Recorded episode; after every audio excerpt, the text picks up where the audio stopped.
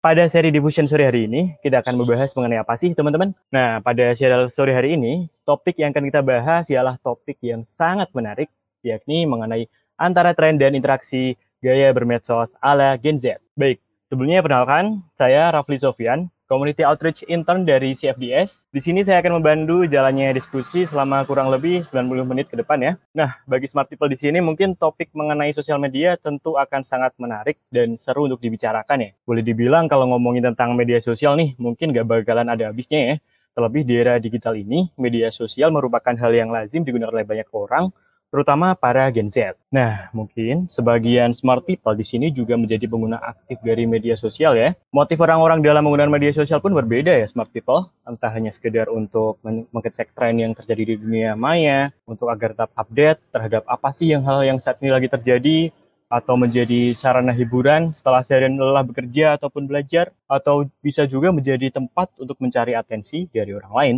Nah, tapi selain sebagai ruang interaksi, media sosial kini banyak dimanfaatkan oleh kaum muda, terutama para Gen Z untuk melakukan hal positif nih, seperti halnya melakukan personal branding, atau mungkin bisa juga berbagi cerita terhadap kawan-kawan terdekat, dan mungkin lain sebagainya. Nah, tapi penggunaan sosial media yang tidak semestinya juga beresiko menimbulkan hal negatif lainnya loh. Tidak sedikit di antara Gen Z yang mungkin atau kawan-kawan dari smart people di sini uh, mendengar uh, ada yang mau detox sosial media atau mengalami insecure atau hal lain sebagainya uh, karena menggunakan sosial media dengan tidak semestinya. Nah, untuk mendiskusikan hal tersebut nih smart people, pada sore hari ini kita telah menghadirkan dua pembicara yang memiliki fokus kajian terhadap isu tersebut nih. Yang pertama, ada Kak Mario Hartanto yang merupakan research intern dari CFDS. Lalu yang kedua, ada Kak Perdana Karim yang merupakan research asisten dari CFDS. Oke, halo Kak Mario, halo Kak Karim. Apa kabar nih? Semoga sehat-sehat ya. Halo Kak Rafli, Kak Karim, sehat-sehat. Gimana kabarnya? Halo, halo, sehat-sehat. Baik. Nah, hmm, semoga semua sorel di sini juga seperti kedua pembicara kita hari ini ya uh, ceria dan juga sehat. Nah, baik, tanpa berlama-lama, mungkin kita akan menuju pemaparan materi yang pertama. Mungkin yang pertama uh, akan diawali oleh Kak Mario dulu ya. Kak Mario akan membahas tentang uh, kalau dari judulnya sih aku baca-baca tadi sekilas uh, antara tren dan interaksi, pengungkapan diri dengan mengambil studi kasus di Instagram dan juga di Twitter. Nah, mungkin benar demikian ya Kak Mario ya? Benar banget. Nah, mungkin smart people di sini udah kebayang ya uh, terkait materi dari Kak Mario akan seperti apa. Melihat judulnya tadi, oh akan seperti itu. Uh, mungkin sebagian di sini juga bermain IG atau bermain Twitter. Nah, untuk itu uh, mungkin uh, dapat disimak baik-baik materi dari Kak Mario pada sore hari ini untuk itu uh, mungkin dapat dibantu untuk menampilkan materi dari Kak Mario. Oke, terima kasih Rafli dan terima kasih kepada CFDS atas kesempatannya hari ini. Perkenalkan, nama saya Mario Artanto. Saat ini saya sedang magang di CFDS sebagai magang periset. Nah, kali ini sebenarnya pengen ngajak teman-teman buat diskusi aja sih. Kita saling tukar pengetahuan kali ya, supaya kaya nih akan diskusinya hari ini. Nah, kurang lebih hari ini eh, aku akan membahas soal antara tren dan interaksi soal pengungkapan diri. Nah, mungkin teman-teman pasti di sosial media sering nge-sharing hal-hal personal maupun hal lucu lainnya. Nah, apalagi di sosial media, Instagram dan Twitter. Mungkin boleh di next. Nah, sebenarnya selama 10-15 menit ke depan kita akan ngebahas apa sih? Yang pertama, kita akan ngebahas sebenarnya konsep pengungkapan diri atau yang akrab disebut self disclosure dan gimana teori penetrasi sosial ini berlaku di zaman modern ini. Yang kedua, kita akan ngebahas soal gimana sih cara kita mengungkapkan diri kita di Instagram tanpa sadar maupun kita sadari. Adanya fitur close friend, second IG dan lain-lainnya. Terus yang ketiga, kita akan ngebahas soal gimana sih kita meng ungkapkan diri kita di media sosial Twitter gitu dengan adanya fenomena-fenomena akun gebokan, fanbase hingga alter account. Boleh di next. Nah mungkin akan sebelum berlanjut akan membuka dengan tweet ini yang ini aku sadur dari @bayujo dan sebenarnya ini relate banget mungkin buat teman-teman di luar sana. Kadang kita sering merasa nggak sih antara kita pendiam banget atau enggak kita terlalu oversharing nih di sosial media apalagi Misalnya kita malam-malam overthinking gitu, tiba-tiba kita nge-share aja gitu, dan abis itu kita merasa, aduh kok apa, aku oversharing ya di sosial media. Boleh di next? Nah, sebenarnya fenomena oversharing dan mengungkapkan diri ini wajar banget teman-teman alami gitu. Karena pertama kodrat kita sebagai makhluk sosial gitu, di mana kita perlu untuk berinteraksi, bersosialisasi, dan membagikan apa yang kita pikirkan gitu. Dan hal ini selaras dengan proses self-disclosure. Self-disclosure ini adalah proses mengkomunikasikan informasi dengan sukarela mengenai diri sendiri kepada orang lain gitu. Nah, karena ada pergantian zaman di mana mungkin sekarang kita ada teknologi media sosial, kemudian juga pandemi yang mengubah bagaimana kita berinteraksi. Cara kita melakukan self disclosure pun berubah, teman-teman. Nah, tadinya mungkin kita sebatas ketemu mungkin misalnya ketemu teman di jalan, kemudian kita cerita dan kita bisa bercengkrama dengan orang lain, tapi sekarang karena kita ada pembatasan sosial dan lain-lain membuat kita membagikan diri kita melalui media sosial. Nah, sebenarnya kenapa sih uh, individu ini mengunggah konten di media sosial gitu? Karena sebenarnya kita ingin ingin membuka kesempatan terhubung dan ingin dimengerti oleh sesama kita gitu. Apalagi dengan kita semakin sering di rumah dan lain-lain otomatis kita bisa menyalurkannya lewat media sosial ini. Dan De Vito dalam penelitiannya sempat menuturkan bahwa tiga alasan kita melakukan self disclosure adalah kita ingin didengar, ingin mengalami perkembangan dalam hubungan dan ingin mengembangkan hal-hal di luar diri kita. Nah, sebenarnya informasi di media sosial ini tuh bisa dimanfaatkan oleh orang lain untuk memprediksi kepribadian suatu individu. Maksudnya adalah apa yang kita tampilkan barangkali bisa menjadi bahan nilai orang lain tentang siapa diri kita. Jadi mungkin teman-teman sering akrabnya, oh misalnya ngepost suatu ini supaya bisa dilihat ini oleh orang gitu dan kita bisa mengatur bagaimana citra kita di orang-orang. Dan sebenarnya dari self disclosure ini intinya adalah kita sebagai manusia tidak bisa tidak berkomunikasi. We cannot not communicate. Boleh dilanjutkan? Nah sebelum melanjut ke Instagramnya kita pengen ngebahas dikit soal penetrasi sosialnya gitu dan sesuai sama tadi self disclosure kalau penetrasi sosial adalah di mana inter, interaksi yang kita lakukan itu turut mempengaruhi gitu. Misalnya kita kenalan sama orang via media sosial kita follow kemudian kita semakin akrab. Di situ ada empat tahap ada orientasi eksploratif afektif dan stabil. Jadi kita mengenal orang kepribadiannya dengan bertukar informasi saling mengungkapkan diri maka kita akan semakin kenal dan akhirnya kita membagikan informasi secara berkala dan lebih dalam lebih dalam gitu. Contohnya kalau kita baru kenal sama orang pasti kita ngasih informasi yang general dulu, kemudian berlanjut gitu. Dan hal ini berlangsung juga di dalam media sosial kita. Yang pertama itu adalah Instagram. Itu Instagram. Kita ngebahas dikit nih soal gimana sih cara kita mengungkapkan diri kita di media sosial Instagram. Nah mungkin untuk mengawalinya ada tweet dari dilansir dari Nick Villavesser. Ini dia ngomong kalau some of Instagram close friend are actually our close friend, but people we are we are trust won't judge us. Nah intinya adalah mungkin teman-teman gak asing ya kayak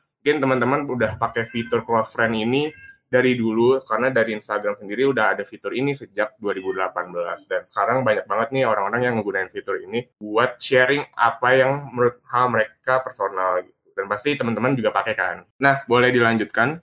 Nah ternyata pengungkapan diri via Instagram close friend ini banyak banget insight-insight yang kita bisa dapat gitu. Nah, pertama ini ini penelit PPT ini berdasarkan penelitian-penelitian terdahulu dan mungkin pengen sharing soal penelitian yang aku lakuin di kampus aku sendiri gitu. Nah, insight yang pertama adalah individu cenderung lebih terbuka mengunggah foto dan video melalui fitur close friend gitu. Karena kenapa orang bisa seterbuka itu sih dengan fitur close friend ini? Karena fitur close friend ini membuat kita merasa berkuasa untuk memilih orang-orang mana yang masuk ke list kita gitu. Karena kan kita punya preferensi ya orang-orang yang aduh kalau nge-share ini nggak enak deh kayaknya. Tapi kalau misalnya diketahui publik juga aduh bahaya gitu. Nah sebenarnya kita bisa mengatur di fitur Instagram close friend ini karena orang-orang nggak akan tahu kita nge-add orang itu atau gimana gitu. Nah kemudian fitur close friend ini selain ada fitur close friend biasanya teman-teman mungkin kalau sekitar aku uh, ada yang namanya second account gitu kayak dan umumnya username-nya aneh-aneh dan ya udah intinya mereka bisa sharing ke situ gitu. Nah ini second account ini fenomena ini hadir bahkan sebelum adanya di close friend ini karena asalnya adalah Instagram belum menyediakan fitur close friend tadinya. Nah di second account ini orang juga mengunggah konten-konten personalnya gitu. Nah ada penelitian dari Diani ya menunjukkan bahwa orang-orang yang masuk ke dalam list close friend merupakan orang yang dianggap tidak suka menghakimi. Nah, ini menarik teman-teman karena definisi close friend sendiri kan kalau di dunia nyata adalah teman dekat, teman yang benar-benar kita anggap dekat gitu atau orang-orang yang emang kita anggap dekat gitu secara harafiah. Cuma kalau di dalam media sosial, terutama Instagram, mengalami pergeseran makna nih teman-teman, di mana orang yang kita masukkan ke list close friend kita itu terkadang nggak berarti dekat itu di real life, tapi cenderung orang-orang yang open-minded gitu. Dan hal ini selaras dengan penelitian yang aku pribadi ngelakuin di kampus. Jadi aku sama teman-teman aku di satu salah satu matkul kuantitatif meneliti gimana sih orang memakai fitur Instagram Close Friend dan dari penelitian kuantitatif dan etnografis ini dapat diketahui waktu itu aku dapat insight kalau ternyata orang-orang itu nge-add orang di close friend tuh karena orang ini open minded dan dianggap gak cepu gitu ya mungkin kayak teman-teman tahu beberapa kejadian cepu-cepu close friend itu dan uh, lebih ke orang gimana caranya supaya dia open minded dan akhirnya dia masuk close friend ya. Jadi mungkin itu yang menarik soal konsep Instagram close friend ini dan dinilai orang dianggap tidak judgmental. Boleh di next. Nah ini mungkin teman-teman gak asing ya kalau misalnya yang main Twitter nih sering banget nih ngikutin banyak banget manifest atau fanbase fanbase dan ini macam-macam umumnya bisa ada K-popers atau edukasi atau kuliah atau mungkin ekonomi dan lain-lain dan banyak banget forum-forum yang disediakan di forum Twitter ini. Nah mungkin ini ada sedikit intermezzo kayak mungkin dari dari quotes ini bisa dilihat kalau sebenarnya yang mau yang nanya ini lagi curhat gitu kalau selama pandemi ini dia tiba-tiba ngerasa suka sedih, suka nangis dan lain-lain. Nah, boleh di next. Nah, fenomena fanbase yang tadi ini juga turut mewarnai ini dinamika Twitter gitu. Di mana Twitter ini setiap orang lebih mudah untuk mengungkapkan diri mereka gitu karena beberapa alasan. Mungkin yang tadi yang pertama kita bisa bahas kalau misalnya Twitter tuh biasanya punya fanbase fanbase atau akun-akun yang menampung aspirasi gitu misalnya dan itu bisa sifatnya anonim. Jadi kita bisa titip pesan terus nanti si fanbase-nya ini bakal ngasih floor nih kayak kasih ceritanya dan akhirnya bisa dibalas oleh orang-orang yang follow itu juga gitu. Dengan demikian kan identitasnya belum tentu diketahui, tapi mereka tahu ceritanya dan bisa membalas di thread itu gitu. Nah itu memudahkan mereka supaya oh gue nggak harus cerita menunjukkan diri gue gitu. Tapi gue bisa nitip ke orang dan orang itu akan menyampaikannya ke publik gitu. Dan sebenarnya kultur ini dan yang kedua adalah alter account. Alter account ini adalah akun yang emang sengaja bukan identitas asli mereka. Dan ini macam-macam ya, bisa ada alter account yang K-pop atau fanbase atau yang akun-akun lainnya ini yang emang membuat Twitter ini untuk bukan buat tujuan personal mereka gitu, tapi emang awalnya mungkin buat fans atau segala macam. Nah, kultur alter account ini membuat pengguna Twitter lebih mudah untuk mengungkapkan diri karena kan mereka nggak pakai identitas asli dan adanya tingkat anonymity consciousness yang lebih tinggi. Maksudnya anonymity consciousness ini adalah kita nggak kita nggak ngungkapin informasi personal diri kita, tapi kita bisa ceritain nih gitu dan kenapa bisa kayak gini karena media sosial Twitter sendiri berbasis teks kan nah, di mana kita yang dilihat adalah pemikiran kita gitu dan bukan kalau misalnya Instagram atau sosial media lain yang berbasis visual kan oh muka saya harus kelihatan terus atau mungkin backgroundnya bisa ketahuan dan lain-lain. Tapi kalau Twitter kan diukur dari si tweetnya ini, tulisan ini. Dan ketika orang, dan ini nggak berlaku di alter account aja ya, eh, teman-teman, tapi di akun personal pun orang-orang cenderung lebih bebas mengungkapkan ekspresinya di Twitter karena tulisan mereka itu menggambarkan emosi mereka dan biasanya orang suka ngeren kecil-kecilan gitu di Twitter dan justru media sosial berbasis teks inilah yang ngebuat individu itu lebih nyaman buat membagikan dirinya gitu. Dan bahkan kadang uh, di sekitar sekitar kita kayak oh kalau misalnya kita ditanyain Twitter kita kita justru malu gitu kayak waduh kayak oh, apa dimintain Twitternya ya? gitu pak. Karena ada penelitian juga yang menunjukkan kalau mungkin nanti ada di daftar referensi ya kalau sebenarnya orang justru lebih takut kalau dimintain Twitter ya gitu. Dan justru dia karena menurut dia Twitter itu adalah ranah personal gitu dan uh, banyak uh, emosi-emosi yang di sana gitu. Dan kalau misalnya kita udah masuk ke Twitter orang kayak misalnya kita udah berinteraksi di Twitter berarti uh, sudah ada kedekatan emosional ada kedekatan emosional tertentu gitu. Kalaupun itu akun personal mungkin tapi kalau konteksnya akun fan base atau alter account itu beda kali ya jadi kayak intinya Twitter ini cukup or, akun media sosial yang cukup intimate gitu. Makanya orang berani mendisclose dirinya, mengungkapkan dirinya lebih lanjut. Boleh di next. Oke, Ayu Ting Ting Aura Kasih, sekian terima kasih teman-teman. Dan ini ada daftar referensi, mungkin teman-teman kalau mau baca jurnal atau website yang uh, mendukung penelitian ini boleh banget. Dan sebenarnya kita sistemnya diskusi aja sih teman-teman. Dan seru banget karena topik ini nggak akan pernah habis karena kita selalu makai Instagram dan Twitter dalam kehidupan sehari-hari. Terima kasih. Baik Kak Mario, menarik sekali ya materi dari Kak Mario tadi. Uh, terima kasih atas materinya Kak Mario. Uh, tadi uh, beberapa kali mendengar tentang uh, ini ya fitur close friend, terus tentang cepu juga kalau bahasa nggak tahu ya itu bahasa dari dulu atau bahasa yang baru muncul. Tapi cepu ini belakangan emang jadi tren gitu ya. Beberapa kali ada kayak fenomena cepu-cepuan itu udah masuk close friend segala macam. Terus tadi juga sempat menyinggung tentang Twitter ya kalau nggak salah akun fanbase, salah akun anonim buat ngerujak orang terus malu-malu kalau dimintain Twitter padahal uh, Twitter emang uh, buat cerita gitu ya dan mungkin gak semua orang itu istilah meminjam istilahnya Kak Mario tadi nyaman uh, kalau cerita mereka atau curhatan mereka itu diketahui oleh semua orang yang uh, dirasa tidak dekat dengan mereka gitu ya Kak Mario ya. nah, uh, sebagai bagian dari Gen Z yang mungkin juga menggunakan media sosial, aku sendiri uh, sebenarnya kalau fitur close friends sih tidak pakai ya, nggak pakai karena pertama mungkin jarang buat story, atau nggak punya teman deket ya justru ya. Terus uh, kalau tentang Twitter sih uh, punya dan uh, banyak sekali melihat fenomena seperti yang udah disebutin sama Kak Mario tadi uh, tentang akun fanbase lah, tentang akun alter dan segala macamnya.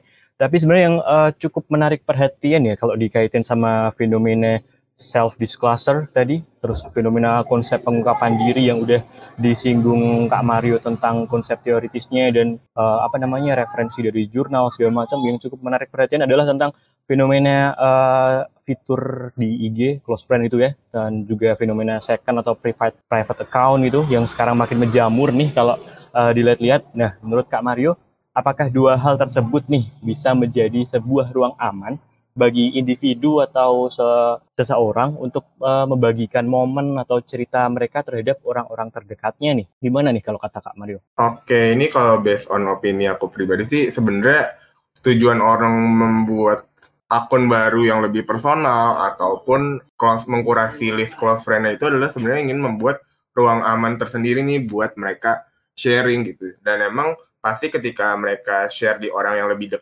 dikit dan lebih dipercaya orang, otomatis mereka merasa lebih aman nih untuk nge-share bagian-bagian mereka yang menurut mereka personal gitu. Cuma uh, ada konsekuensinya juga sih di baliknya karena uh, sosmed ini kan milik bersama gitu. Kita semua nonton, kita semua menikmati konten gitu apalagi kita yang masuk ke dalam list friend itu otomatis punya hak untuk melihat kontennya itu baik secara sadar atau enggak gitu dan mungkin konsekuensinya adalah ketika kita nge-share hal yang sensitif gitu atau maksudnya kayak yang sensitif dan lebih kayak menyinggung suatu isu tertentu dan kita kan nggak bisa kontrol ya ketika kita mempublikasikan suatu konten di sosmed. Berarti itu udah milik kalayak gitu bukan milik kita lagi. Dan kita nggak bisa tahu nih sebenarnya orang-orang ini mau bereaksi apa. Ada yang mungkin ya mungkin yang kasus cepu yang tadi Rafli bilang itu bisa aja terjadi kan karena ya orang udah milik publik gitu. Dan emang sih ada etikanya sebenarnya nggak boleh di screenshot dan lain-lain. Cuma mungkin buat orang yang si pemilik akun ini atau yang mau nge-share ini harus paham gitu konsekuensinya gitu ketika mereka mempublikasikan suatu konten bahkan dalam ranah teman terdekat atau kayak lingkup akun yang lebih personal sekalipun. Mungkin itu sih yang aku mau tanggepin. Oke, baik. Terima kasih Kak Mario atas jawaban dari pertanyaan yang cukup me menghantui ya. Gimana sih uh, sebenarnya kalau kita udah buat private account atau second account, mungkin close friend ya, mungkin uh, kalau kata orang-orang tingkatan terendah itu close friend dulu, nanti baru masuk ke second account gitu ya. Nanti baru masuk lagi ke uh, apa namanya close friend dari second accountnya. Nah, uh, ternyata nggak semua uh, teman-teman ataupun hal yang terdekat yang udah kita kurasi ya istilahnya yang udah kita masukin entah itu ke close friend ataupun ke private account yang istilahnya udah kita sortir itu adalah aman uh, kalau kita udah bagiin momen ataupun cerita ke publik ya itu udah menjadi uh, konsumsi dan barang publik dan kita udah susah buat ngekontrolnya uh, nanti itu bisa masuk ke mana atau tersebar ke mana itu udah uh, di luar kontrol dari kita mungkin uh, apa kurang lebih gitu ya kalau aku sedikit boleh mengkurasi tadi jawaban dari Kak Mario. Nah, Uh, sekali lagi terima kasih buat Kak Mario atas uh, jawaban dan juga paparan materinya ya. Uh, nanti kita akan bertemu lagi dengan Kak Mario tentunya di sesi Q&A. Jadi buat uh, smart people di sini yang masih ingin mantengin Kak Mario bisa ditunggu sampai akhir nanti di sesi Q&A bisa ditunggu kedatangan Kak Mario lagi. Nah, selanjutnya uh, pada sore hari ini kita akan berpindah ya ke pembicara kedua kita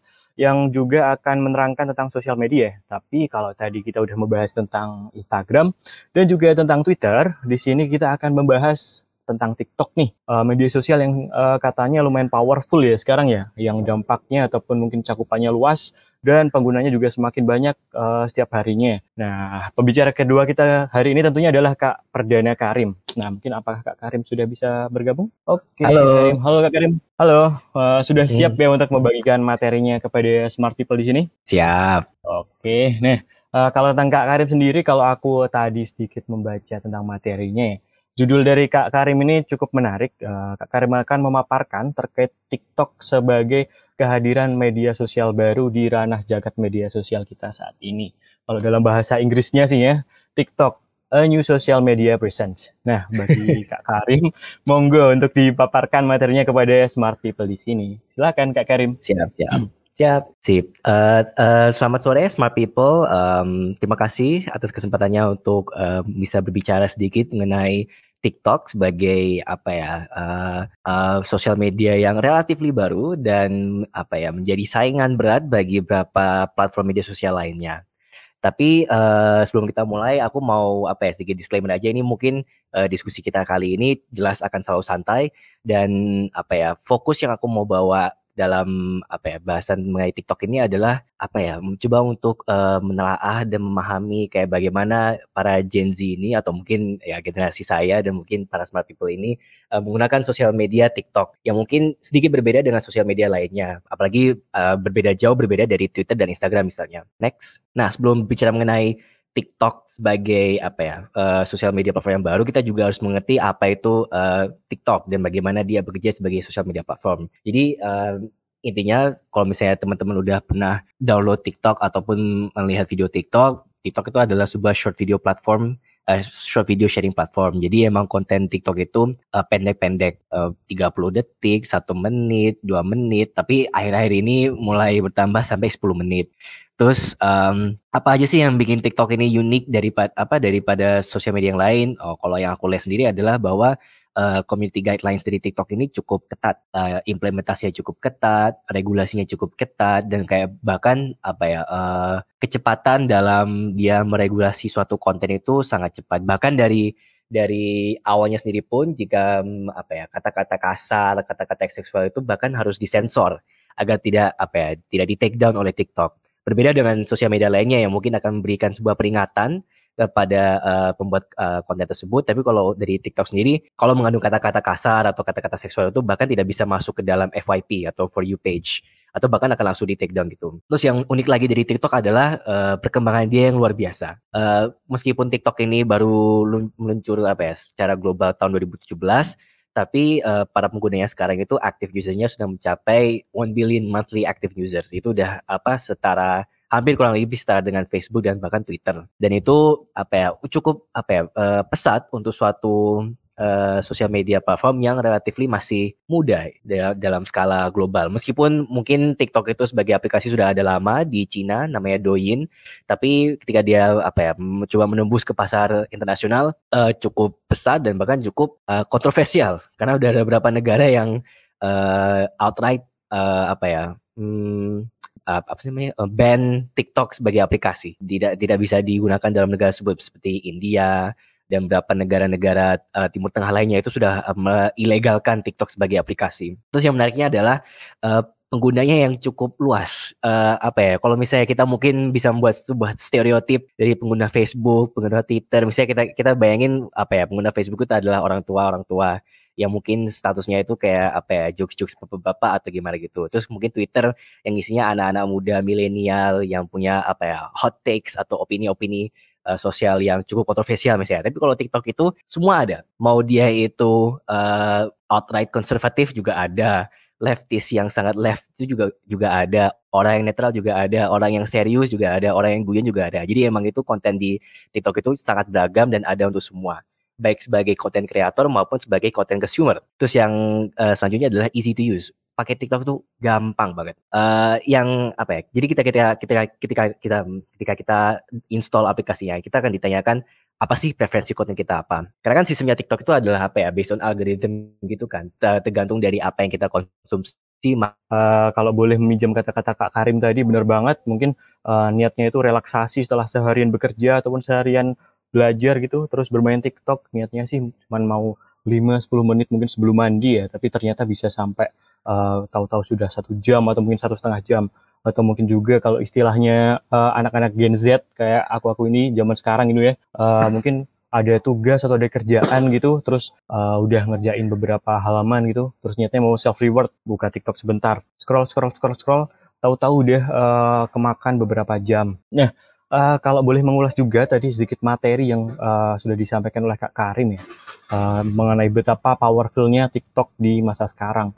Dan itu benar banget karena uh, kalau uh, ini aku baca sedikit ya di Twitter kemarin, bagaimana perkembangan informasi melalui TikTok itu bisa terjadi uh, pas perang Rusia sama Ukraina di awal-awal itu. TikTok juga menjadi salah satu media yang turut meramaikan uh, atau boleh dibilang uh, menjadi kanal informasi bagi sebagian orang ya. Dan tentunya dalam media sosial itu ada uh, bubble-nya masing-masing.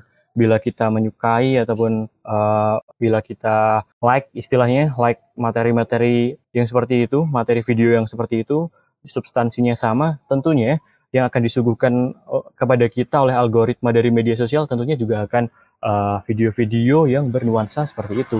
Nah, uh, hal ini juga banyak dikritik ya kemarin di Twitter uh, terkait fenomena, fenomena seperti ini karena menyajikan bias. Nah, bias apa yang terjadi, uh, yakni bias informasi. Uh, jadinya ada yang uh, sangatlah pro terhadap salah satu pihak dan tidak melihat uh, fakta yang objektif terkait fenomena yang sedang terjadi. Misalkan uh, di fenomena kemarin, jadi kalau di kolom komentar ya, sangat banyak sekali yang uh, pro terhadap uh, pihak Rusia katakanlah uh, karena uh, materi yang disuguhkan adalah uh, yang seperti itu dan mereka juga like video-video uh, yang demikian. Nah, mungkin kalau terkait uh, algoritma TikTok, kalau boleh sedikit mengulas, mungkin seperti itu. Mungkin uh, terkait uh, apa ya namanya uh, fitur FYP yang ada di TikTok. Nah itu juga terkait dengan uh, bubble di media sosial tadi. Uh, FYP itu yang uh, yang muncul di media sosial kita tentunya adalah konten-konten yang selama ini kita ikuti atau kita sukai. Jadi mungkin uh, smart people di sini jika FYP-nya yang muncul adalah itu itu terus dan mungkin terasa kok FYP ku terasa negatif ya dan malah menyuguhkan informasi yang tidak baik gitu. Nah mungkin uh, sambil menunggu Kak Karim yang nampaknya tidak kunjung hadir karena mungkin uh, jaringan internet, mungkin kita uh, boleh ke Kak Mario dulu ya. Kak Mario, apakah dapat bergabung dengan kita, Kak Mario? Oke, halo Rafli. Iya. Oke, nah uh, karena Kak Karim ini terputus yeah. ya dari kita, terpental dari room streamyard ini, kita kembali lagi bersama Kak Mario. Ini kayaknya memang rezeki Kak Mario untuk tampil lebih banyak ya pada sore hari ini karena kalau dilihat-lihat kayaknya banyak juga fans dari Kak Mario di diffusion kita sore hari ini. Nah, uh, mungkin kalau untuk uh, terkait Kak Mario tadi, apakah ada penambahan materi nih Kak Mario uh, terkait uh, materi yang sudah disampaikan tadi yang mungkin uh, belum sempat diomongin karena apa ya keterbatasan waktu mungkin tadi? Oke, sebenarnya jadi nambah ya panggungnya saya. Oke deh. Hmm, jadi nggak ada sebenarnya nggak ada pertanyaan tambahan. Cuma ini pertanyaannya udah banyak yang masuk ya Raffi dan menarik-menarik nih mungkin kita bisa discuss aja gitu pertanyaan-pertanyaan teman-teman. Oke siap. Ah, mungkin kita langsung ke ini ya pertanyaan. Ada pertanyaan yang mungkin menarik nih dari Feby Mireya yang berasal dari UNJ. Nah, kata Feby ini sebagian Gen Z itu cukup banyak yang menanggapi secara kritis suatu statement. Seperti pada platform Twitter. Nah, statement A bisa jadi merambat ke masalah B dan juga C bagi orang lain. Jadi hal tersebut bagaimana caranya mencegah statement yang kita buat untuk menjadi mena untuk menjadi interaksi yang tidak menimbulkan konflik bagi orang lain. Nah ini mungkin bahasa gampangnya kalau di Twitter ya. Uh, gimana sih kita bisa beropini tanpa takut dirujak oleh orang lain? Karena kalau di Twitter kan kita misal uh, kasih opini terhadap suatu hal, kalau istilahnya di hot takes gitu ya. Nah itu kalau misalkan uh, nggak sesuai sama pandangan orang lain ataupun nggak sesuai dengan uh, apa ya namanya ah nilai-nilai yang dianut orang lain mungkin ya kita bisa jadi bahan rujakan satu timeline mungkin sehari semalam itu nggak berhenti di QRT ataupun di kolom komennya. Nah, gimana tuh Kak Mario menanggapi hal ini? Oke, menarik ya pertanyaannya. Hmm, kalau mungkin nanti teman-teman boleh nambahin pendapatnya. Kalau aku sih ngelihatnya pertama konsekuensi ya kalau sosial media itu apalagi kalau misalnya kita mempublik akun kita gitu itu karena adalah konsekuensi kalau ketika kita berpendapat pasti ada pro kontranya gitu pasti pendapat kita bisa jadi dirujak gitu kalau emang nggak sesuai dengan standar sosial di timeline kita gitu atau orang sekitar kita gitu. Cuma mungkin kalau meminimalisir, pertama kalau mau main aman yang aman banget, udah jelas mungkin private account kali ya. Twitter kan menyediakan private account itu dan sebenarnya kan bisa juga mungkin teman-teman lebih ke private account itu dan akhirnya baru bisa beropini banyak dan lebih ke memfilter kali ya orangnya yang teman-teman merasa nyaman buat sharing yang dalam itu seperti apa sih di Twitter gitu. Nah itu mungkin pertama harus di protect dulu accountnya kalau emang aman banget. Cuma kalau misalnya emang teman-teman lebih prefer buat public mungkin sebel se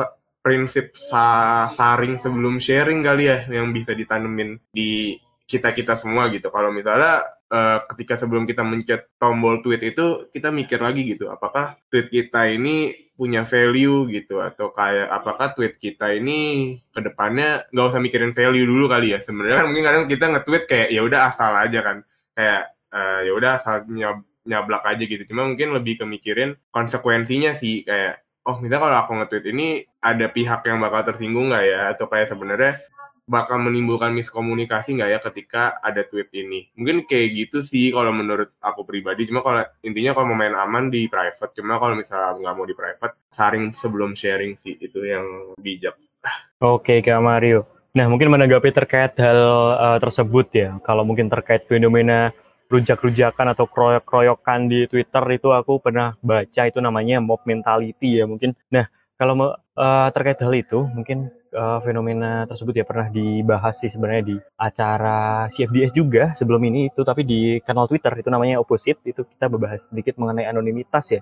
Nah, uh, kalau menurut Kak Mario sendiri nih, tadi kan ada sempat menyinggung tentang anonimitas ya di uh, materinya di akhir materi sih kalau nggak salah. Nah, kalau menurut Kak Mario sendiri tentang fenomena anonimitas di Twitter gimana tuh? Uh, mungkin terkait uh, akun-akun fangirling ataupun akun-akun fanbase ataupun uh, justru adalah ada akun yang memang niatnya buat akun anonim yang kalau istilahnya adalah anon anon jahat, anon anon seram ya mungkin yang banyak orang-orang kenal gitu. Mungkin niatnya memang buat ngeroyok orang-orang yang opininya berseberangan atau mungkin uh, ada juga yang uh, punya akun utama tapi uh, niat banget bikin akun bodong uh, buat nyerang pribadi lain agar uh, identitasnya itu tetap aman dan tidak diketahui. Uh, kalau terkait uh, fenomena anonimitas, gimana nih Kak Mario menurut pendapat Kak Mario sendiri? Oke, mungkin iya sih menurut aku sih yang ngeliatnya fenomena anonimitas ini lebih ke pisau bermata dua kali ya, karena pertama sebenarnya jadi ajang yang tepat banget nih buat orang yang nggak mau nge dia mau terbuka sama orang tapi dia uh, orangnya mesti pelan-pelan gitu. Maksudnya dia nggak bisa disclose yang semuanya gitu. Cuma at least kan dan mungkin nggak semua orang punya privilege kayak punya tempat cerita yang proper atau kayak gimana. Tapi kan mereka juga akhirnya biasa ngedamping di sosial media gitu. Cuma mungkin karena mereka takut informasi tersebar akhirnya mereka memutuskan buat menganonimitas itu. Sebenarnya kalau melihat ini sih banyak banget ya maksudnya manfaatnya. Kayak ketika kita bisa anonim tuh kita merasa lebih lega gitu ketika mengungkapkan informasi dan banyak juga kan kalau akun-akun fanbase dan lain-lain kan sebenarnya itu buat sarana hiburan. Maksudnya lebih kayak channeling energi mereka buat something yang refreshing gitu loh kayak hiburan. Dan misalnya mereka bisa networking sama orang baru dan kayak di idea kita bisa misalnya dalam akun alter itu kayak kita bisa konekkan tapi kita sebenarnya nggak kenal banget. Itu kan cukup kayak aman lah ya jadi ruang aman buat orang gitu. Cuma itu sebenarnya banyak banget manfaatnya. Cuma di sisi lain emang bener yang kata Rafli Hmm, ini tuh rawan banget terjadi head speech dan kawan-kawannya. Karena head speech dan kawan-kawannya ini di Twitter jadi lebih liar gitu ya. Karena orang bisa berlindung di balik-balik akun palsu dan lain-lain gitu. Dan ketika dan nggak dipertanggung jawab nggak ada pertanggung jawabannya juga kan ketika kita head speech dan kita berlindung di bawah akun bodong gitu. Kayak chat mau nuntut gimana gitu informasinya ini. Dan sebenarnya kayak gitu sih lebih kayak banyak banget aspek-aspek yang luput gitu kalau dari itu. Mungkin itu sih kalau dari aku Oke, menarik Kak Mario. Berarti uh, terkait fenomena akun bodong itu sebenarnya nggak bisa kita cegah kedatangannya. Ya paling mungkin dengan nge-private akun kita mengamankan seperti itu agar uh, misalnya kalau kita ada salah-salah mungkin ada istilahnya kita nggak bakalan tahu hari apa hari kesialan kita gitu ya. Kapan kita bakal bisa dibully satu timeline itu kan kita nggak tahu. Nah mungkin uh, terkait hal itu langkah amannya adalah seperti yang Kak Mario uh, sampaikan tadi. Nah, sepertinya Kak Karim sudah berhasil bergabung kembali ya dengan kita. Uh, tadi sempat sampai bahasan pertama sih Kak Karim yang bagian masih mengenai uh, basic sih sebenarnya tentang tata cara kerja TikTok. Gimana sih TikTok itu bekerja dan gimana sih oh, iya, TikTok iya. itu bisa mengambil sekian banyak uh, juta manusia di muka bumi ini sehingga bisa menjadi media sosial yang perkembangannya cukup uh, bisa dibilang pesat gitu ya. Mungkin bisa disambung okay. dari situ saja Kak Karim. Silakan aku kembalikan lagi siap. waktunya ke Kak Karim. Oke. Okay? Thank you, thank you. Uh, halo smart people.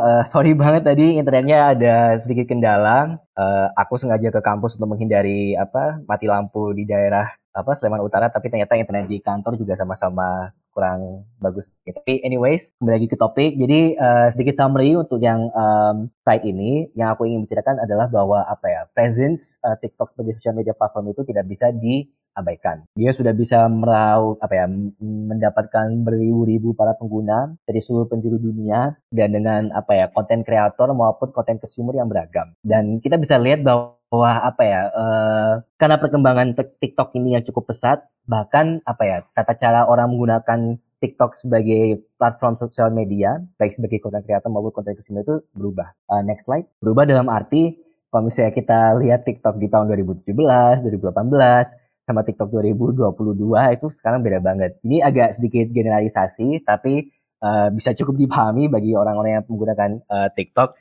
jadi kalau aku definisikan apa ya definisikan sebagai TikTok then atau TikTok yang lama itu adalah apa ya uh, kalau misalnya teman apa smart people tahu aplikasi Vine itu yang apa ya uh, platform media yang short video juga yang itu komedi. Nah kurang lebih itu adalah uh, TikTok. TikTok awal-awal itu seperti Vine yang isinya itu orang-orang bikin jokes, lelucon, cosplay atau kayak semacam lip syncing trend dan sebagainya. Jadi apa ya very uh, simple content, konten-konten yang bisa di uh, mudah dilakukan oleh orang-orang siapa siapa saja dan TikTok itu dulu itu apa ya uh, konten-konten yang cukup gampang untuk viral karena apa ya para penggunanya itu cukup sedikit tidak terlalu banyak therefore apa ya chances untuk jadi viral itu cukup uh, gede. Namun sekarang TikTok itu apa ya sedikit transformasi nih yang awalnya sebagai apa ya kalau dulu kalau sekarang orang bilang itu apa ya uh, this was just a dancing app. Ini ada cuma apa ya aplikasi buat orang-orang nari-nari gitu sekarang malah berubah menjadi sebuah platform yang itu bisa digunakan oleh berbagai macam apa ya uh, konten kreator dan dengan berbagai macam audience. Ada yang menggunakan platform TikTok ini sebagai ajang untuk uh, apa ya uh, memberi ilmu. Dalam arti misalnya tentang uh, astrologi, tentang COVID-19 awareness, bahkan ketika awal-awal pandemi pun uh, berbagai macam uh, apa ya organisasi itu menggunakan TikTok sebagai sarana untuk memberikan apa ya informasi-informasi uh, mengenai uh, COVID-19. Ada juga apa ya bahkan uh, kita sekarang melihat kalau dulu itu digunakan oleh oleh apa oleh orang-orang uh, kaum muda seperti kita bahkan sekarang perusahaan-perusahaan maupun big name companies menggunakan TikTok tentu saja dengan apa para pekerja yang apa workers yang juga seumuran seperti kita untuk apa ya to reach out to a younger audience dengan TikTok. Misalnya kayak Washington Post ini, mereka sering sekali bikin kayak apa ya, semacam skits mengenai real life events yang tujuannya itu untuk menjelaskan kayak bagaimana event ini terjadi dengan apa ya, uh, cara yang mudah untuk dicerna oleh orang-orang uh, muda seperti kita. Ada juga yang menggunakan TikTok sebagai kembali lagi sebagai platform untuk guyonan, untuk bercanda, untuk apa ya, mungkin untuk um, komentari terhadap real life issues dan apa ya dan sebagainya. Jadi apa ya, kalau bisa aku bilang sekarang itu TikTok itu beragam sekali kontennya. Uh, it's, a, it's a cesspool of content. Semua konten yang ada di bawah matahari itu ada di TikTok sekarang. Next. Nah, jadi yang seperti aku bilang sekarang itu TikTok itu lebih digunakan untuk apa ya? To tell a story, untuk uh, menceritakan uh, suatu cerita pribadi yang mungkin bersifat apa ya? Uh, personal sekali. Namun orang-orang itu merasa nyaman untuk menceritakannya di dalam TikTok. Kalau misalnya tadi Mario bilang di Twitter maupun di apa Instagram itu apa ya uh, kita emang selektif dalam apa ya dalam close friends maupun dalam second account agar kita tahu target audiensnya itu siapa saja yang melihat konten kita. Tapi ternyata kalau di TikTok yang apa audiensnya itu luar biasa uh, variatif dan beragam dan juga jangkauannya itu luas, ternyata itu bukan jadi halangan untuk orang-orang itu oversharing. Kalau misalnya kita lihat di Twitter maupun di apa ya, Instagram kita merasa malu mungkin ya kalau misalnya orang tahu Twitter akun kita. Kalau misalnya orang-orang tahu Twitterku itu kayaknya aku bakal malu sih, kayak bakal nah itu bukan Twitterku itu itu akun palsu itu itu bukan Twitter saya. Tapi kenyataannya kalau buat di TikTok yang jauh lebih open dan tidak terlalu personal, tidak terlalu private, tapi kontennya itu yang private-private. Yang apa ya, ini tuh anyone can see your TikTok profile gitu loh. Dan mungkin kamu juga bisa apa ya, memoderasi kayak siapa yang bisa melihat kontenmu. Tapi kenyataannya orang itu merasa nyaman untuk bercerita di TikTok, merasa nyaman sekali. Mau cerita tentang kejadian mereka habis putus, mau kejadian mereka apa ya habis kecelakaan kayak atau apa kayak menjadi ajang apa ya yang apa ya untuk mendapat support. Karena ternyata, ternyata meskipun ini adalah cerita-cerita yang personal dan private orang-orang itu masih ada yang relate dengan cerita tersebut. Jadi apa ya um, cerita yang mungkin kayak borderline private yang apa ya mungkin sangat personal mengenai kesehatan kita sendiri atau mungkin mengenai data pribadi kita itu di gampang sekali diceritakan di TikTok dan orang-orang itu suka orang-orang itu suka sekali dengan konten-konten yang berupa uh, personal dan private gitu dan mereka merasa bahwa ini oh ini relatable sekali saya juga mengalami hal yang sama. Positifnya adalah apa ya, ini menjadi sebuah bentuk afirmasi bahwa kita tidak hanya sendirian dalam apa ya dalam apa dalam hal yang kita alami. Tapi di, di saat yang sama ini juga apa ya udah borderline apa ya uh, ranah yang pribadi yang seharusnya tidak kita ceritakan di internet. Kalau kita dulu udah bilang kayak kita harus hati-hati di internet, harus apa ya harus menjaga diri kita di internet dan apa ya ada batasan antara privasi kehidupan kita dan apa dan personal kita di internet nyata nggak ada di TikTok. Orang itu merasa apa ya merasa nyaman mau cerita apa aja, no matter how apa ya uh, bad the story is, mau kamu konservatif apa pun, kamu cerita apa pun di TikTok itu pasti akan ada relate dan akan ada oke okay. oke okay, sorry agak sedikit koneksi masalah. Nah ini aku mau sedikit cerita ya tentang apa ya uh, yang sering aku lihat. Jadi kemarin tuh sedang ada tren nih di TikTok Indonesia. Ada kayak apa itu orang-orang cerita bahwa apa pacaran seumuran itu ternyata berat bestie gitu. Jadi kayak itu apa ya semacam tren yang mengatakan bahwa uh, apa kalau misalnya pacaran seumuran itu ternyata berat. Karena mereka bilang kayak oh kalau pacaran seumuran itu si cowok ngejar karir, si cewek ngejar umur dan ternyata itu apa ya uh, it's a private story menurutku itu cerita yang private kayak kita apa ya sebagai uh, consumer TikTok, aku nggak harus tahu kalau misalnya pacaran seumuran itu berat atau enggak itu loh. Aku nggak nggak mau tahu kayak personal stories pacaran orang-orang yang aku nggak kenal. Tapi itu diceritakan di TikTok dan banyak yang relate dengan cerita tersebut.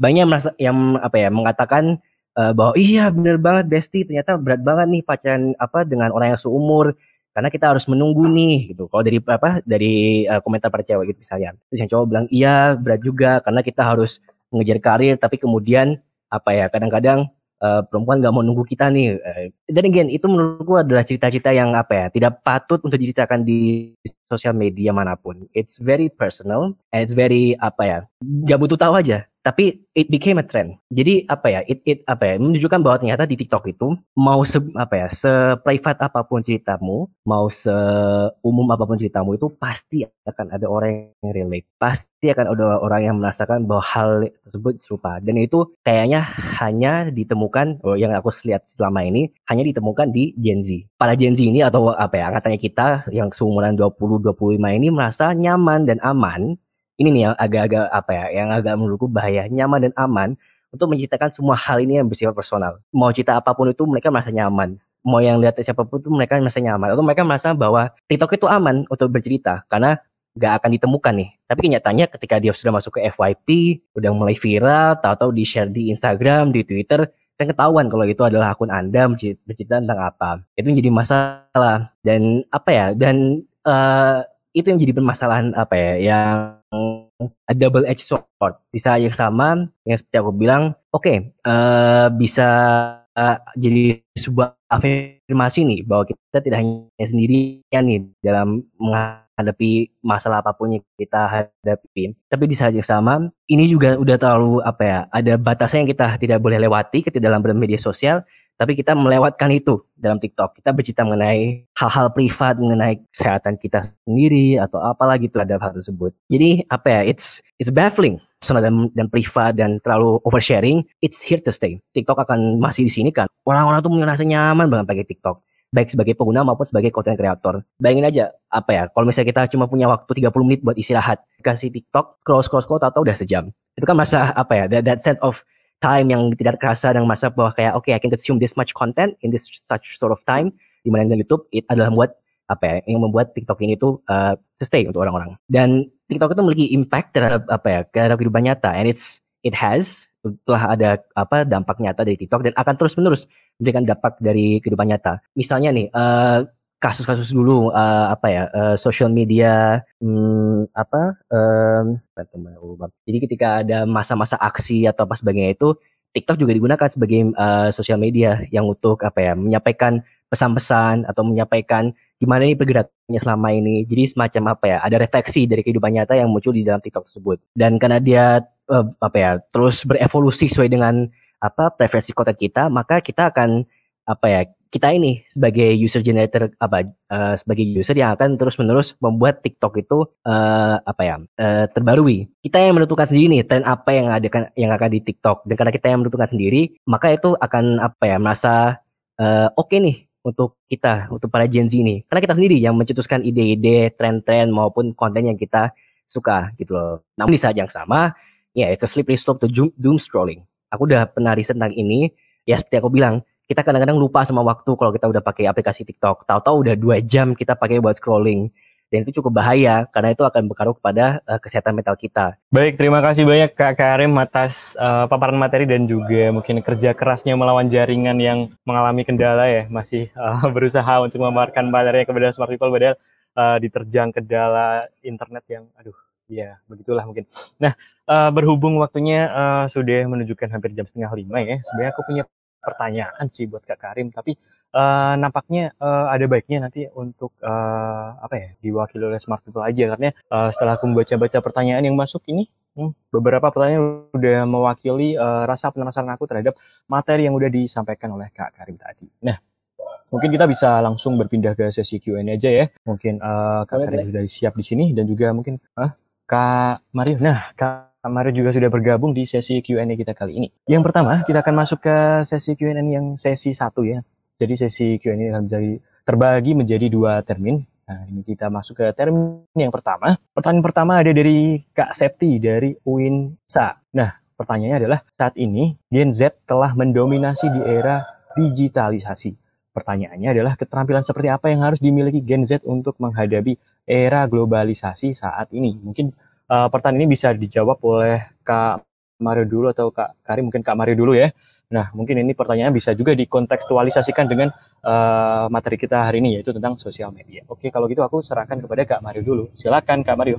Oke, uh, mungkin nanti ditambahin Kak Karim ya. Uh, kalau menurut aku keterampilan yang harus dimiliki Gen Z pertama memilah informasi kali ya karena sebenarnya kan uh, yang tadi Kak Karim jelasin juga soal fenomena doom scrolling ini dan kita apalagi Twitter, Instagram, TikTok dan media sosial lainnya kan membuat kita scrolling terus menerus dan mendapatkan paparan informasi yang banyak dalam satu waktu itu. Dan uh, dan otak kita kan perlu mencerna itu ya dan kadang jadi bingung gitu kita ini yang mana ya yang benar yang mana yang enggak gitu. Dan sebenarnya kemampuan uh, eh, cross checking fakta dan mengetahui kebenaran itu sih yang harus kayak dan kita memilah informasi itu penting banget buat menunjang kita dalam melakukan aktivitas media sosial gitu. Dan ketika udah kita udah bisa menyaring apa yang informasi yang tepat buat kita mungkin lebih ke kemampuan menyaring lagi kali ya menyaringnya tapi menyaring apa sih yang mau kita sampaikan gitu. Kayak saring kemampuan menyaring sebelum kita men-sharing sesuatu itu juga penting. Dan sebenarnya kalau konteks kalau teknisnya mungkin kalau itu kan mungkin tadi soft skill hard skill mungkin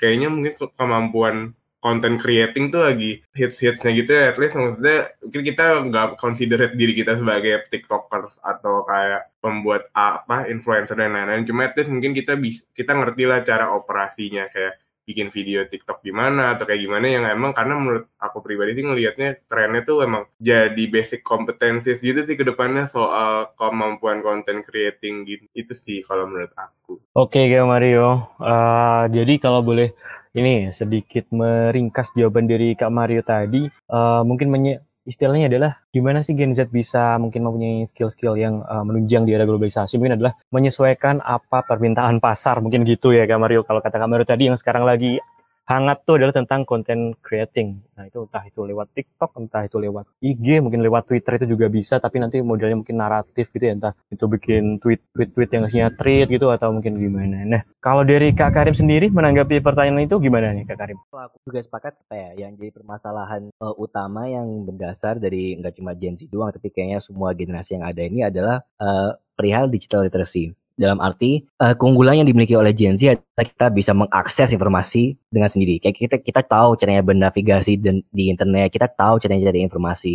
Tapi yang kadang-kadang luput adalah caranya untuk mengolah dan apa ya menerima informasi tersebut. Karena kita cuma menerima uh, sebuah informasi itu as face value, cuma terima apa adanya. Tapi kita jarang sekali untuk berkritis dan memikirkan kayak apakah ini apa ya, informasi yang benar, apakah ini informasi yang penting, apakah ini perlu saya terima dan aku juga ingat sama apa ada sebuah podcast nih tentang ngomongin apa ya halo masuk nggak ya masuk Oke, tadi aku mau apa agak rangkum. Jadi yang kayaknya jadi masalah yang yang skill yang kita perlu ketahui adalah mengolah dan menelaah informasi. Karena uh, Gen Z seperti kita zaman apa ya bahkan di zaman sekarang itu kita mengalami namanya information overload. Informasi itu bisa didapat dari mana-mana. Kalau dulu orang mau cari informasi harus ke univ, harus ke kuliah, harus ke perpus sekarang kita tinggal apa ya nge-scrolling buka HP itu udah ada beribu-ribu informasi yang kita bisa terima. Dan maka dari itu kita harus pintar untuk mengolah mana nih informasi yang perlu kita terima. Apa ya yang lagi ngeteh sekarang itu omongan Oscars yang apa si Will Smith dan Chris Rock itu kan itu that's information. Tapi it's up to us apakah kita mau nerima informasi itu apakah kita mau apa ya mendalami informasi itu itu kan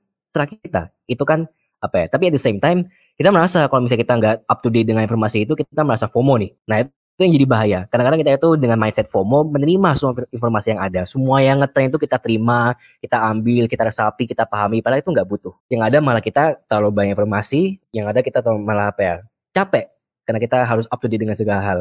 Padahal kenyataannya we don't have to. Tapi we choose to do so karena we are demanded to do so. Gitu. Jadi pintar-pintar pilih apa ya informasi sih menurutku skill yang penting buat zaman sekarang ini. Oke baik ya Karim kalau boleh sedikit ini uh, apa namanya mungkin uh, meringkas kata uh, jawaban dari Kak Karim tadi. Mungkin bisa dibilang jawaban dari Kak Karim tadi adalah mungkin skill dasar di era digital saat ini untuk gimana sih caranya biar uh, mempunyai skill yang lebih advance tapi uh, skill yang perlu dimiliki justru adalah uh, gimana caranya kita memfilter informasi, bagaimana caranya kita memilah-milah dan juga uh, mengembangkan mindset yang tepat.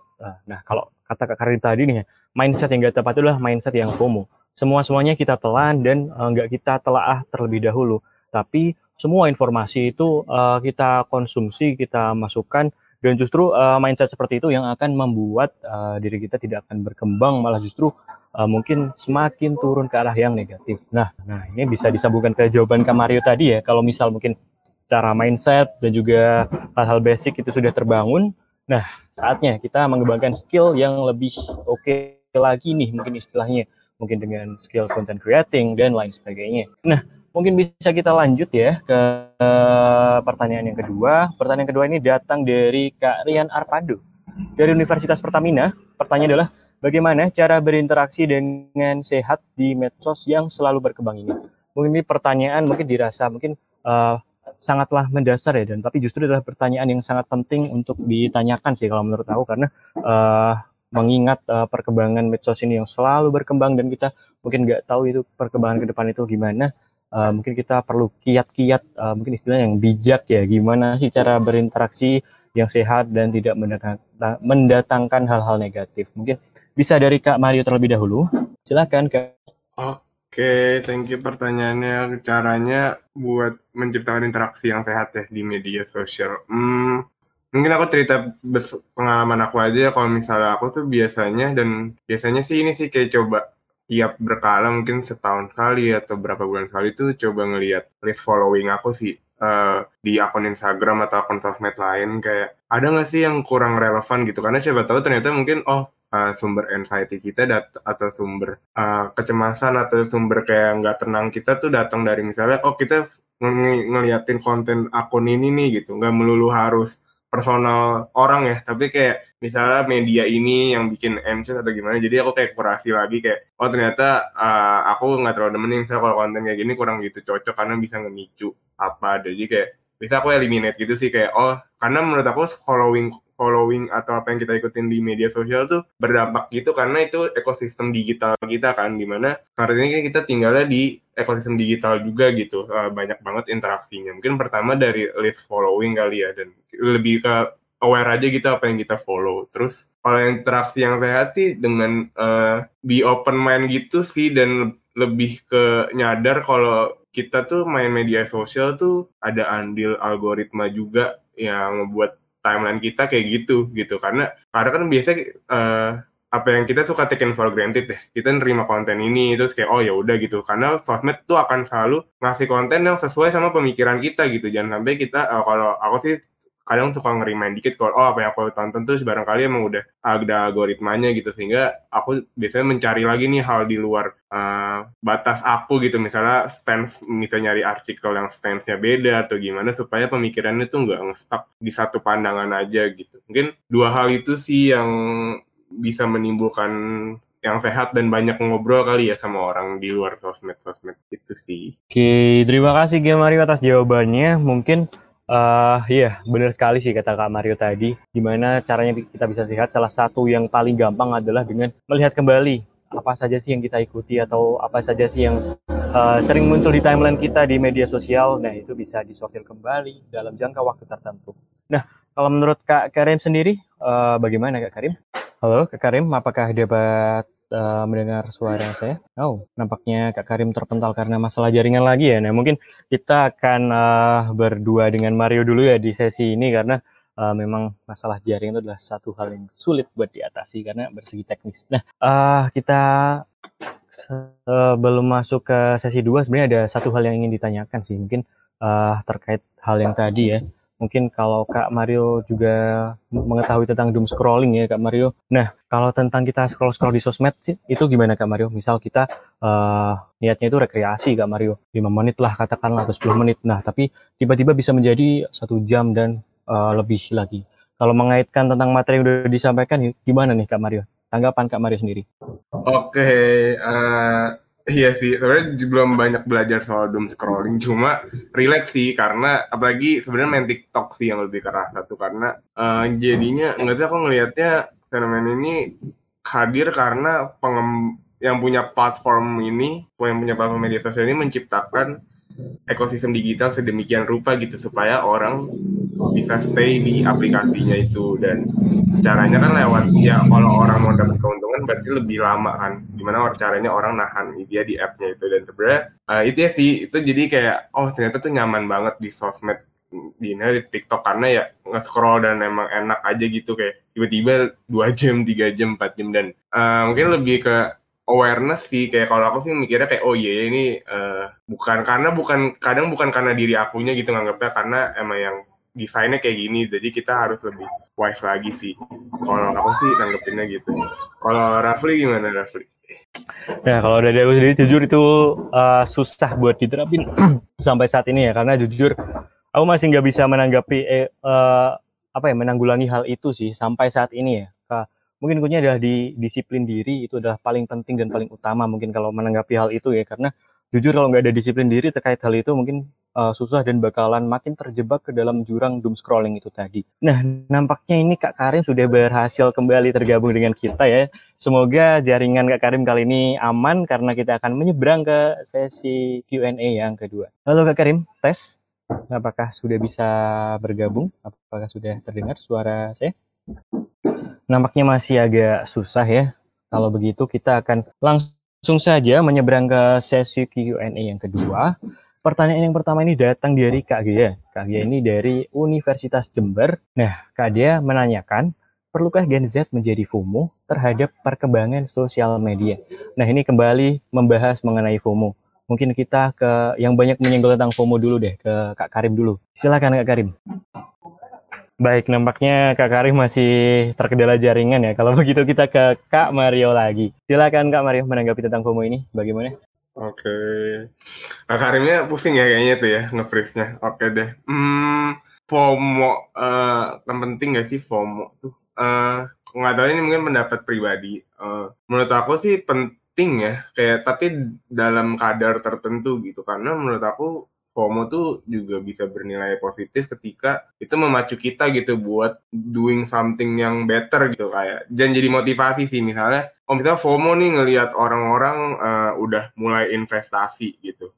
Uh, investasi yang sehat ya konteksnya misalnya apa gitu. Cuma kan jadi kita termotivasi ya. Hmm, kayaknya penting juga ya literasi keuangan bla bla bla gitu. Jadi kayak lebih ke situ sih. Cuma emang gak bisa dipungkiri FOMO ini cukup menjebak ya gitu. Kayak kadang uh, kita selalu selalu jadi punya comparison hidup sama orang lain gitu sih dan itu sebenarnya yang uh, bahaya. Tapi kalau misalnya FOMO yang tapi kita bisa memanfaatkan FOMO ini sebagai sarana kita berkembang aja gitu. Dan nggak usah sampai mengcompare sedemikian jauhnya gitu. Mungkin kalau pendapat aku sih mengenai FOMO gitu ya penting dalam suatu kadar tertentu asal tidak berlebihan gitu dan kayak mungkin kalau misalnya konteks industri kreatif gitu kan juga perlu FOMO gitu nggak sih karena biar kayak mereka bisa keep up with the trends dan something like that mungkin Itu sih menurut aku. Baik Kak Mario, nah mungkin ngomong-ngomong tentang FOMO nih ya, aku sendiri sih kurang akrab ya tentang FOMO itu tadi uh, beberapa waktu yang lalu.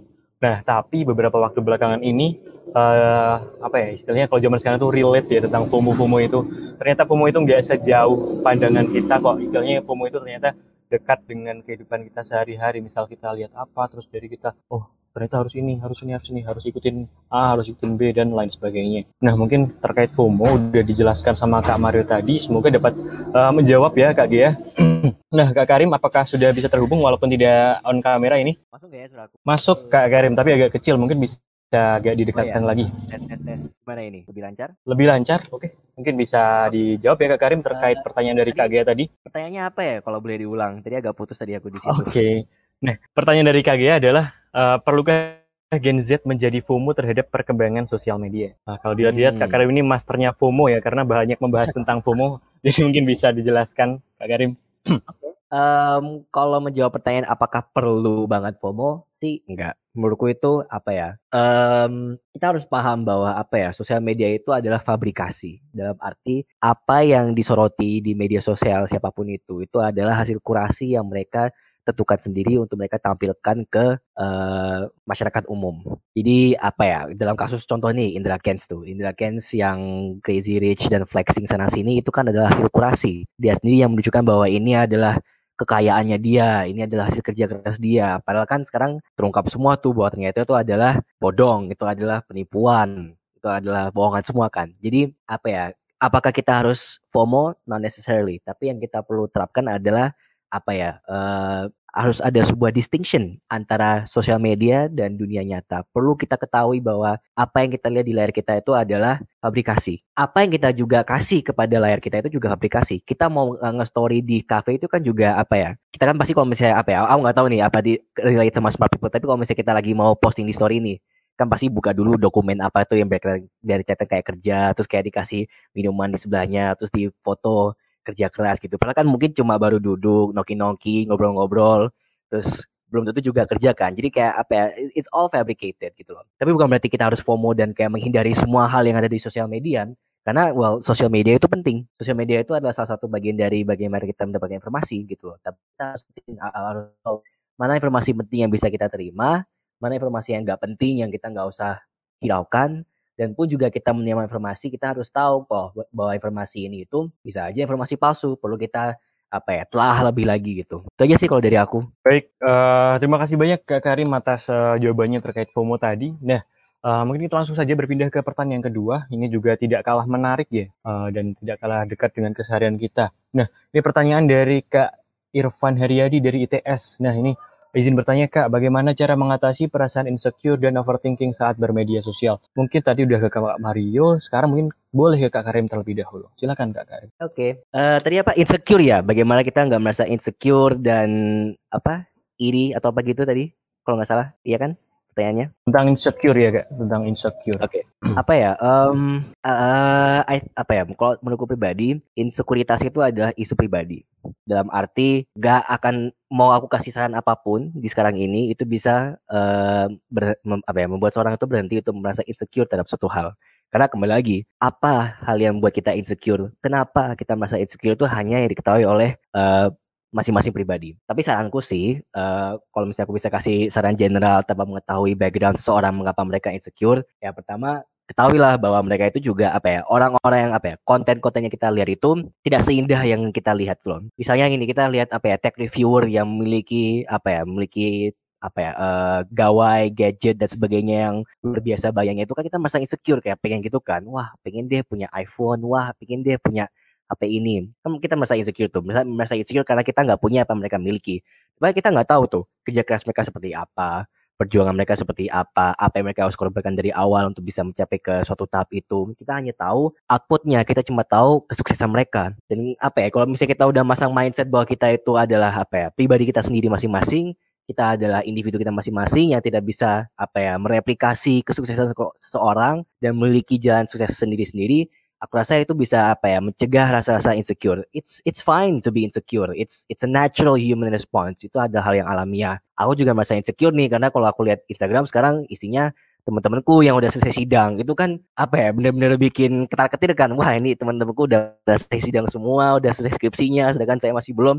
Insecure right? Tapi apa ya jadikan insekuritas itu sebagai motivasi jangan jadikan itu sebuah halangan untuk membuat dirimu merasa bahwa kamu nggak bisa tapi jadikan itu sebuah sebagai motivasi kayak oh kalau mereka bisa kenapa saya nggak bisa? Jadikan itu sebuah motivasi untuk bergerak lebih. Itu sih kalau dari aku. Baik Kak Karim, nah ini uh, petuah bijak ya dari Kak Karim. Justru gimana insecure dan overthinking itu bisa kita putar balikan menjadi suatu hal yang positif dan justru mecut diri kita untuk naik dan semakin naik ke tahap berikutnya. Nah baik, kita berpindah ke pertanyaan terakhir dari sesi Q&A kita pada sore hari ini. Ini adalah dari uh, Kak Antonia Febrianti Soba dari SMAS Frater Don Bosco Lowoleba. Pertanyaan adalah bagaimana pengaruh antara uh, tren dan interaksi gaya bermedia sosial ala Gen Z dalam kehidupan sehari-hari. Nah, ini mungkin pertanyaan untuk Kak Mario. Silakan dijawab ya, Kak Mario. Oke, uh, banyak sih ya uh, efeknya gitu tren dan interaksinya. Mungkin kalau misalnya paling dasarnya adalah uh, informasi lebih tersebar lebih cepat gitu lewat media sosial, lewat Instagram, Twitter, TikTok dan sehingga kita bisa tahu nih lebih melek isu kali ya, lebih kayak oh kita tahu nih keadaan-keadaan di dunia. Dan kedua itu lebih ke mungkin karena ada fenomena namanya digital activism itu di mana kita bisa menyuarakan hal-hal yang kita concern di media sosial dan keresahan-keresahan kita itu juga bisa berdampak kepada dunia nyata. Misalnya soal advokasi isu HAM atau isu-isu lainnya itu yang juga oh, ternyata kita dari online ini bisa loh jadi gerakan yang sesungguhnya gitu. Kayak mungkin banyak juga beberapa kebijakan yang juga hasil dari isu dari isu yang disuarakan masyarakat via digital juga gitu. Jadi emang uh, fenomena digital activism ini jadi makin marak dan turut kita bisa turut mempengaruhi para pemangku kebijakan. Terus um, mungkin kayak kalau simpelnya kalau mungkin tadi contoh berat ya kayak kalau contoh simpelnya sesimpel kayak kita main TikTok nih terus ih dapat rekomendasi tempat lucu nih kayak pasti bawaannya besoknya pasti pengen eh pengen ke situ ah soalnya udah lihat di TikTok dan kayaknya ambience-nya enak banget nih kayak cozy banget. Dan jadinya kan sebenarnya turut secara langsung kita turut membantu UMKM gitu ya atau kayak sebenarnya nggak harus jauh-jauh mem membantu UMKM tapi kita sendiri tuh merasa ih kayaknya seneng ya kayaknya kalau ke tempat ini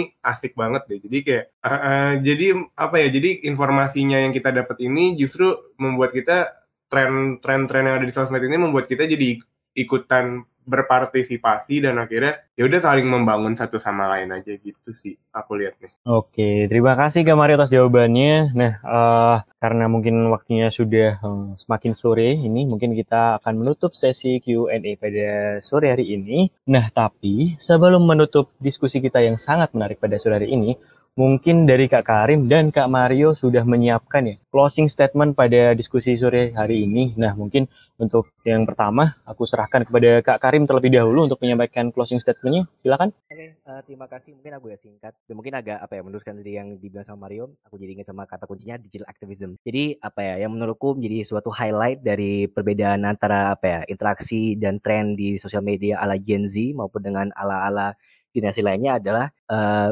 terbukti bahwa kita ini sebagai generasi apa ya melek digital bisa buat sebuah digital activism. Kalau misalnya dari contoh uh, kecil yang batu UMKM tadi sama Mario, aku mau kasih contoh besar. Misalnya dalam kasusnya apa ya uh, Donald Trump ketika dia sedang ada rally di Amerika waktu itu, para apa BTS Army ini uh, menyerbu dan membeli tiket secara ramai-ramai untuk rally tersebut seolah-olah biar terkesan bahwa apa ya banyak yang mau, mau datang nih ke rally Donald Trump. Tapi kenyataannya pas hadir dikit tidak sesuai dengan ekspektasinya ya tentu saja kan Donald Trump marah gitu bilang kalau ini itu adalah sebuah apa ya aksi apa ya cyber terrorism lalala gitulah that, that's that apa ya dari interaksi tersebut muncul lah ya, kelihatan loh kayak apa ya reaksi dan apa ya uh, langkah yang diambil sama beda generasi.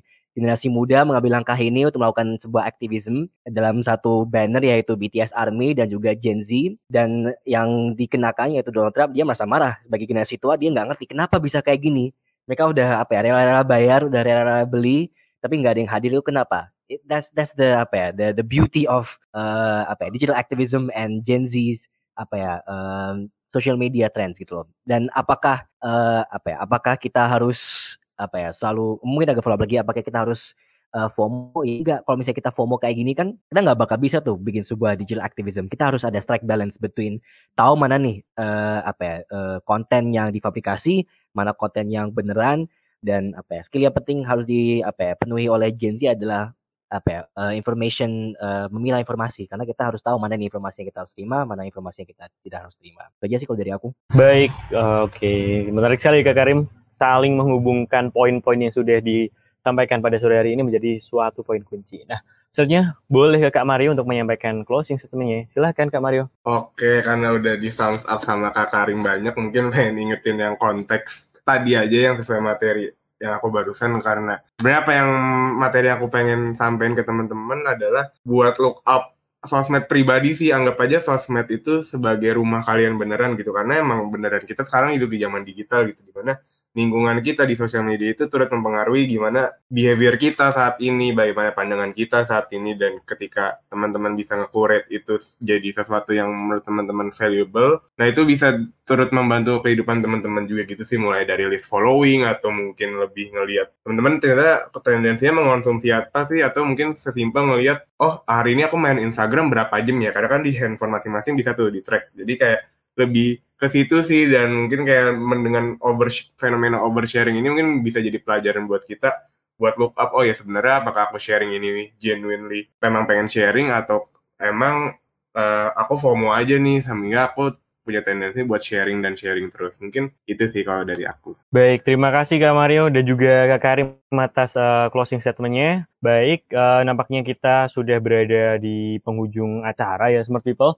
Sekali lagi terima kasih banyak kepada kedua pembicara, Kak Mario dan juga Kak Karim atas insight dan paparan materinya pada sore hari ini. Dan juga terima kasih untuk Smart People yang sudah mengajukan pertanyaan dan juga sudah menyimak diffusion pada sore hari ini dari awal sampai akhir. Untuk Smart People yang selalu ingin update perihal dunia digital, untuk tidak lupa mengunjungi web cfds.visipol.ugm.ac.id dan beberapa sosial media dari kami. Ada di IG, Twitter, dan lain sebagainya. Terima kasih banyak. Sekali lagi, aku sampaikan kepada Kak Karim dan juga Kak Mario atas uh, bagi-bagi materi pada sore hari ini dan diskusi yang sangat menarik. Meskipun Kak Karim tadi sempat terkendala jaringan, tapi salut banget ya masih berusaha untuk mencari jaringan. Nggak tahu udah pindah tempat berapa kali tadi. Mungkin laptopnya kalau bisa ngomong ya udah capek digotong-gotong ke mana-mana gitu ya. Nah, makasih juga buat Kak Mario uh, yang uh, dari tadi diem di sofa empuk ya meskipun itu virtual background ya kayaknya ya. untuk itu sekali lagi terima kasih dan juga terima kasih untuk smart people yang sudah bergabung pada kesempatan sore hari ini. Semoga sehat selalu dan kita bisa bertemu di acara diffusion selanjutnya yakni besok Kamis kalau tidak salah dan juga kegiatan-kegiatan CFDS yang lain. Begitu sampai bertemu dan selamat beraktivitas kembali. Selamat sore smart people. Dadah.